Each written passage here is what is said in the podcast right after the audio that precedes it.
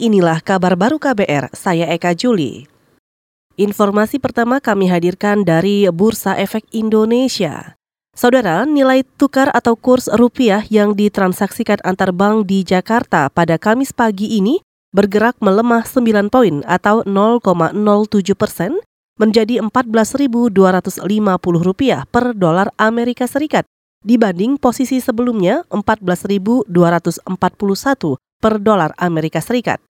Sementara itu, indeks harga saham gabungan atau IHSG di Bursa Efek Indonesia dibuka menguat 6,43 poin atau 0,1 persen.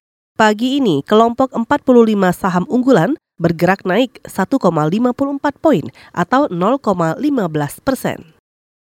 Kepolisian akan memanggil kembali bekas Kapolda Metro Jaya Sofyan Jakob Senin depan. Jakob dipanggil untuk pemeriksaan sebagai tersangka dalam kasus dugaan makar.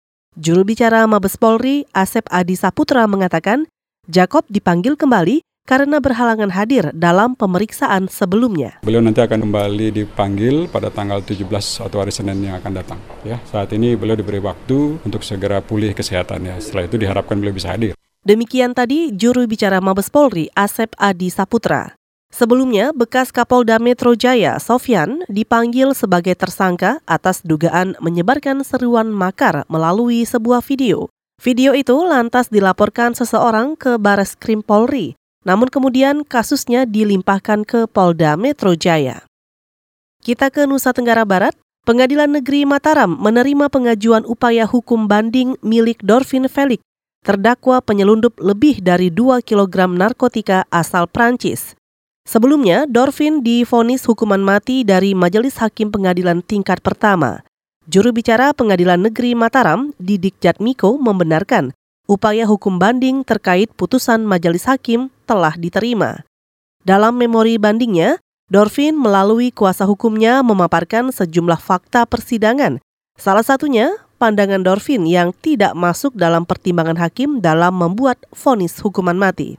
Sebelumnya, saudara, warga negara Prancis Dorvin Felix dinyatakan terbukti bersalah melanggar dakwaan primer sesuai tuntutan jaksa tentang narkotika yang mengatur soal impor atau masuknya narkotika dari luar negeri ke Indonesia.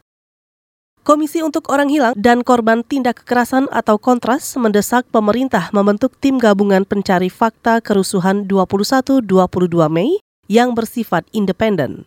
Wakil Koordinator Bidang Strategi Koordinasi Kontras, Ferry Kusuma mengatakan, pembentukan tim independen sebagai bentuk pemenuhan hak korban dan masyarakat untuk mengetahui kejadian secara transparan. Kalau kontras melihat ini ada dugaan pelanggaran HAM yang berat. Kalau kita lihat peristiwanya terencana. Chaos ini kan direncanakan ya. Kemudian terjadi sangat sistematis. Ada banyak aktor yang terlibat.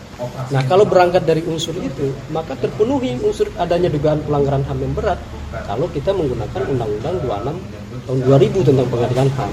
Nah di sinilah menurut kami urgensinya membentuk tim gabungan pencari fakta.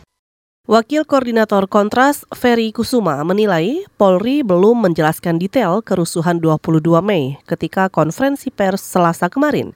Ferry menegaskan dalam konferensi pers tidak ada pembahasan tentang proyektil yang ditemukan di tubuh korban, klarifikasi soal pembatasan akses hukum bagi korban, serta soal dugaan keterlibatan bekas anggota tim Mawar, Faufka Nur Farid.